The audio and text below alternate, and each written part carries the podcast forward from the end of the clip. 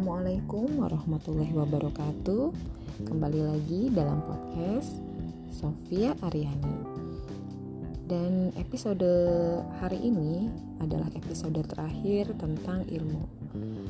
Saya masih mengambil tulisan dari Dr. Fahmi Amhar yang berjudul Integrasi Sains dan Islam. Tulisan ini adalah sebuah presented paper dari seminar dalam rangka Science Fair Sekolah Islam Terpadu Fajar Hidayah Kota Wisata Cibubur 30 Mei 2006 Ada sejumlah pertanyaan menarik tentang kedudukan sains dan Islam. Pertanyaan ini berakar dari fenomena-fenomena berikut.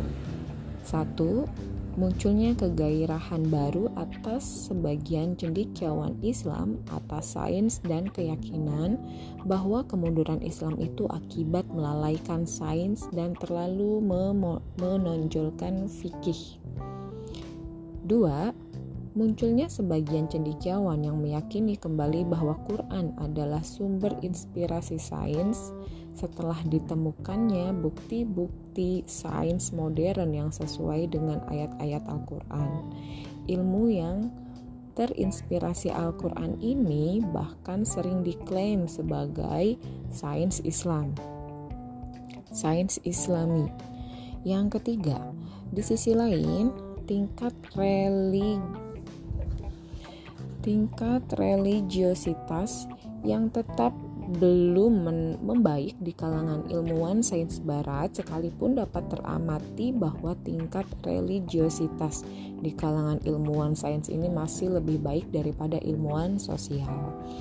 Tiga fenomena ini membuat di satu sisi umat Islam semakin bersemangat dalam beragama, namun di sisi lain mereka masih mencari bentuk bagaimana sesungguhnya integrasi is, sains dan Islam.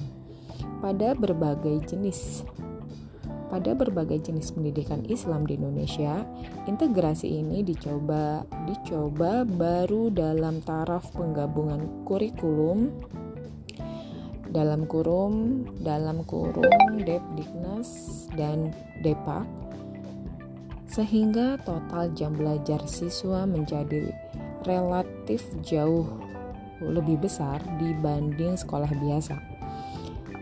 Karena itu, kajian bagaimana integrasi sains dan Islam itu perlu ditelaah lebih jauh.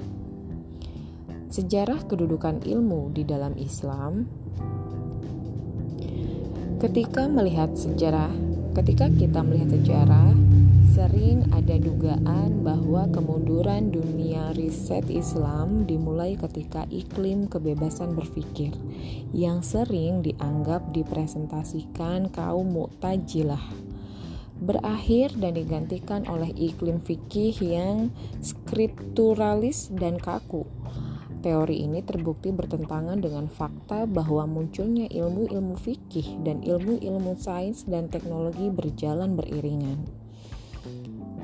Bahkan, ketika ilmu dasar umat Muslim mulai kendur, teknologi mereka masih cukup tinggi untuk bertahan lebih lama. Hung keempat, dengan cukup baik melukiskan latar belakang masyarakat masyarakat Islam di masa khilafah sehingga keberhasilan pengembangan teknologi terjadi, dan ini bisa diklasifikasikan menjadi dua hal. Pertama adalah paradigma yang berkembang di masyarakat Islam, yang akibat faktor teologis menjadikan ilmu adalah saudara kembar dari iman. Menuntut ilmu sebagai akidah, salah satu eh maaf, menuntut ilmu sebagai ibadah salah satu jalan mengenal Allah atau ma'rifatullah dan ahli ilmu sebagai pewaris nabi sementara percaya tahayul adalah sebagian dari syirik. Paradigma ini menggantikan paradigma jahiliyah atau juga paradigma di Romawi, Persia atau India kuno yang menjadikan yang menjadikan ilmu sesuatu itu menjadikan ilmu itu sesuatu privilege kasta menjadi sesuatu privilege kasta tertentu dan rahasia bagi awam. Sebaliknya, Hungke menyebut satu bangsa pergi sekolah untuk untuk menggambarkan bahwa paradigma ini begitu revolu, revolusioner revolusioner sehingga terjadilah kebangkitan ilmu dan teknologi. Para konglomerat pun sangat antusias dan bangga bila berbuat sesuatu untuk membangun perpustakaan ilmu, perpustakaan umum. Mohon maaf, hmm, para konglomerat pun sangat antusias dan bangga bila berbuat sesuatu untuk peningkatan taraf ilmu atau pendidikan masyarakat seperti misalnya membangun perpustakaan umum, observatorium, atau laboratorium lengkap dengan menggaji pakarnya.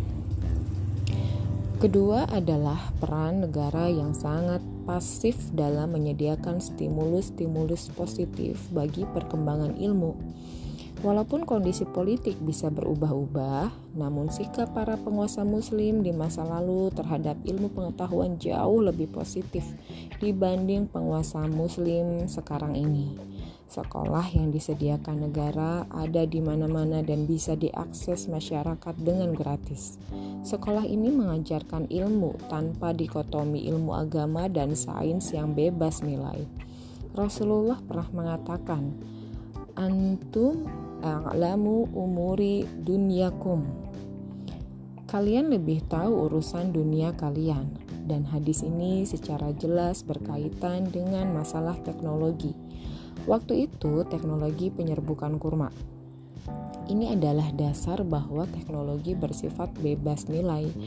Bahkan Rasulullah telah menyuruh umat muslim, umat Islam untuk berburu ilmu sampai ke Cina. Yang saat itu pasti bukan negeri Islam. Namun namun demikian dalam pencarian ilmu Islam memberikan sejumlah motivasi dan guideline Motivasi pencarian ilmu dimulai dari hadis-hadis seperti mencari ilmu itu hukumnya fardu atas muslim laki-laki dan muslim perempuan. Carilah ilmu dari buayan hingga liang lahat. Carilah ilmu walaupun sampai ke negeri Cina. Orang yang belajar dan mendapatkan ilmu sama pahalanya dengan sholat sunnah semalam suntuk dan sebagainya. Sebagai guideline bisa dibagi dalam tiga kelompok sesuai pembagian dalam filsafat ilmu, yaitu dalam kelompok antologi, epistemologi, dan aksiologi. Ontologi menyangkut masalah mengapa suatu hal perlu dipelajari atau diteliti. Quran memuat cukup banyak ayat-ayat yang merangsang pembacanya untuk menyelidiki alam, seperti apakah tidak kalian perhatikan bagaimana unta diciptakan atau langit ditinggikan? Surat Al-Ghasyiyah ayat 17 sampai 18. Maka tidak heran bahwa di masa Al-Makmum para pelajar tafsir menyandingkan buku Al-Mages kayak Ptolomeus, astronom Mesir kuno, sebagai syarah surat Al-Ghosiyah tersebut. Kaidah mala yatimul wajib illa illa bihi fahuwa wajib. Maka uh, apa yang mutlak diperlukan untuk menyempurnakan sesuatu kewajiban, hukumnya wajib pula. Juga memiliki peran besar maka ketika kaum muslimin melihat bahwa untuk menyempurnakan untuk menyempurnakan jihad melawan adik kuasa Romawi memerlukan angkatan laut yang kuat.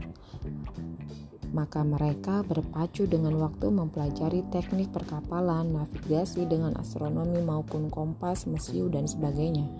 Dan bila untuk mempelajari ini mereka harus ke, ke Cina yang waktu itu lebih dulu mengenal kompas atau mesiu, mereka pun pergi ke sana sekalipun menempuh perjalanan yang berat. dan harus mempelajari sejumlah bahasa asing. Dengan ontologi syariah ini, kaum muslimin di masa lalu berhasil mendudukan skala prioritas pembelajaran dan penelitian secara tepat. Sesuai dengan ahkamul khamsah, hukum yang lima, wajib sunnah mubah makruh haram dari perbuatannya. Epistemologi menyangkut metode suatu ilmu dipelajari. Epistemologi Islam mengajarkan bahwa suatu ilmu harus dipelajari tanpa melanggar satu hukum syarak pun. Maka beberapa eksperimen dilarang karena bertentangan dengan syarak, misalnya cloning manusia. Di sisi lain, ilmu dipelajari dengan mempraktekannya. Karena itu, ilmu seperti sihir menjadi haram dipelajari karena konteks epistemologinya adalah dipelajari sambil dipraktekkan. Namun di sisi lain, ilmu-ilmu seperti kedokteran, fisika, namun juga ilmu sosiologi atau hukum fikih menjadi tumbuh pesat karena setiap orang mempelajarinya karena setiap orang yang mempelajarinya punya gambaran yang jelas bagaimana nanti ilmu itu digunakan. Berbeda dengan sekarang ketika banyak mahasiswa di Menara Gading dan ketika turun ke masyarakat ternyata tidak mampu harus mulai dari mana dalam menggunakan ilmunya. Sedang aksiologi menyangkut bagaimana suatu ilmu diterapkan. Ilmu atau teknologi adalah netral sedang akibat penggunaannya tergantung pada peradaban atau hadoroh manusia atau masyarakat yang menggunakannya. Banyak hasil riset yang walaupun dibungkus dengan suatu metode statistik, namun dipakai hanya untuk membenarkan suatu model yang bias ideologis ataupun kepentingan tertentu. Pada masyarakat Muslim, penggunaan teknologi dibatasi hukum syarak Teknologi hanya akan digunakan untuk memanusiakan manusia, bukan memperbudaknya. Teknologi digunakan untuk menjadikan Islam rahmat seluruh alam, bukan menjajah negeri-negeri lain. Karena itu, kebuntuan untuk mencapai kemajuan pada negeri-negeri miskin, seperti yang terjadi dewasa ini di Afrika, akan bisa didobrak dengan aksiologi syariah. Quran sebagai sumber inspirasi ilmu. Obsesi menjadi Obsesi menjadikan Quran sebagai sumber inspirasi segala ilmu tentu suatu hal yang positif. Karena ini bukti keyakinan seseorang bahwa Quran memang datang dari zat yang maha tahu. Namun, obsesi ini bisa jadi kontraproduktif jika seseorang mencampur adukan hal-hal yang inspiratif dengan sesuatu yang empiris atau memaksi, memaksakan agar kaidah hukum empiris sesuai sesuai penafsiran inspiratifnya. Contoh yang pertama misalnya ketika ada seseorang yang menafsirkan ayat dan kami ciptakan besi yang padanya terdapat kekuatan yang hebat dan berbagai manfaat bagi manusia. Quran Surat Al-Hadid ayat 25 kami pernah mendapatkan seseorang yang menggugat hukum kekekalan, kekekalan energi dengan landasan ayat ini, seraya mengajukan proposal untuk membuat energi multiplier. Maaf, Energi multiplier adalah pengganda energi.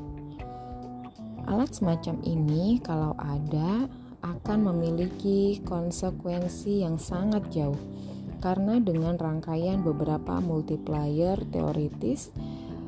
Hmm, karena dengan rangkaian beberapa multiplier, multiplier teoritis energi satu watt saja akan mampu memberi energi untuk seluruh dunia. Tentu saja alat semacam ini secara fisika maupun teknis mustahil, namun perancangnya yakin 100% bahwa dia benar.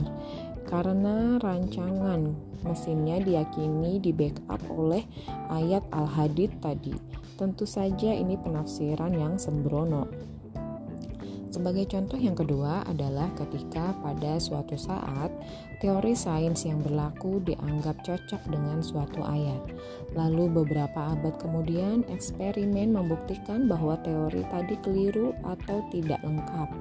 Lalu orang cenderung menolak penemuan baru itu dengan alasan tidak sesuai dengan Al-Qur'an Hal seperti ini terjadi di abad pertengahan di kalangan gereja di Eropa yang menolak teori heli heliosentris dan heliosentris dari Kopernikus dan Galileo karena dianggap bertentangan dengan dogma Alkitab bahwa bumi adalah pusat perhatian Tuhan.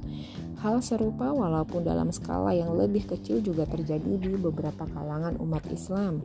Sebagai contoh, ketika di Quran disebutkan adanya tujuh buah langit.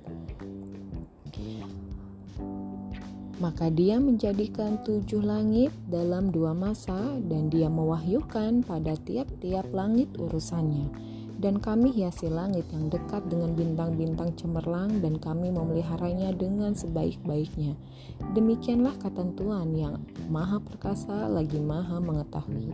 Quran Surat Fusilat ayat 12 Sesungguhnya kami telah menghiasi langit yang dekat dengan bintang-bintang dan kami jadikan bintang-bintang itu alat-alat pelempar setan dan kami sediakan bagi mereka siksa neraka yang menyala-nyala.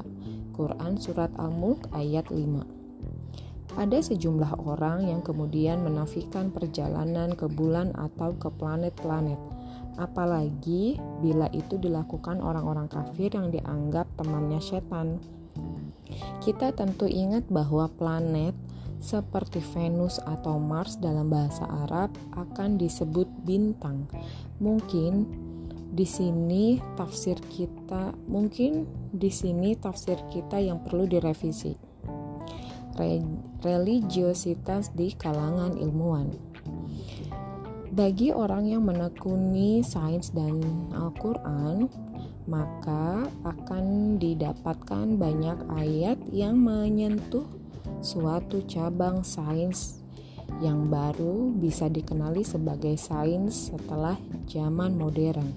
Karena saya mempelajari geodinamika mempelajari geodinamika saat saat, am, saya amat tersentuh dengan ayat seperti berikut. Dan kamu lihat gunung-gunung itu kamu sangka dia tetap di tempatnya, padahal ia berjalan sebagai jalannya awan. Quran Surat An-Naml ayat 88 Tersentuhnya adalah bahwa fakta pergerakan benua berserta gunung-gunung di atasnya beberapa desimeter per tahun baru diketemukan pada abad 20. Dari mana Rasulullah dari mana Rasulullah yang hidup 14 tahun yang lalu bisa mengetahui fenomena ini kalau bukan yang maha ber, yang maha berilmu yang memberitahunya. Hal serupa akan ditemui oleh seorang astronomi, biologi, oceanologi dan sebagainya. Pertanyaannya, mengapa tidak semua saintis kemudian menjadi religius? Jawabannya adalah tidak cukup hanya mengenal keberadaan Tuhan, seperti tidak cukupnya kita ketika sadar punya bos, namun tidak tahu visi misi bos, dan juga tidak tahu apa yang membuat bos senang atau marah. Mereka menganggap persoalan Tuhan itu persoalan pribadi, bahkan bisa-bisa justru menyalahkan Tuhan ketika dilihatnya Tuhan tidak berbuat apa-apa, ketika ada umatnya yang menderita, tertindas, lapar, atau sakit. Mereka mungkin akan menyembah Tuhan dengan suatu suatu cara yang menurutnya paling rasional. Mereka gagal memahami kemauan bos karena mereka berhenti dengan tahu bahwa ada bos, namun tidak mencari tahu Siapa orang kepercayaan bos yang pantas mereka jadikan rujukan dan juga teladan? Wajarlah bahwa dalam Islam dituntut dua jenis pengakuan. dikenal dengan syahadat tauhid dan syahadat rasul. Tanpa mengikuti rasul, pengenalan keberadaan Tuhan tidak akan banyak berbuah karena kita tetap belum tahu hidup kita mau dikemanakan. Jadinya, kita tidak tahu bahwa Tuhan akan menolong orang-orang yang tertindas atau lapar atau sakit itu melalui tangan-tangan kita. Kita akan terinspirasi untuk melakukan upaya itu setelah mengkaji manual yang diberikan Tuhan via para rasul. Di situlah kita tahu bahwa kita hidup sebagai agen untuk sebuah misi pada suatu lahan yaitu planet bumi ini. Sekian eh, sharing-sharing kita mengenai ilmu. Semoga bermanfaat untuk kita semua. Dan assalamualaikum warahmatullahi wabarakatuh.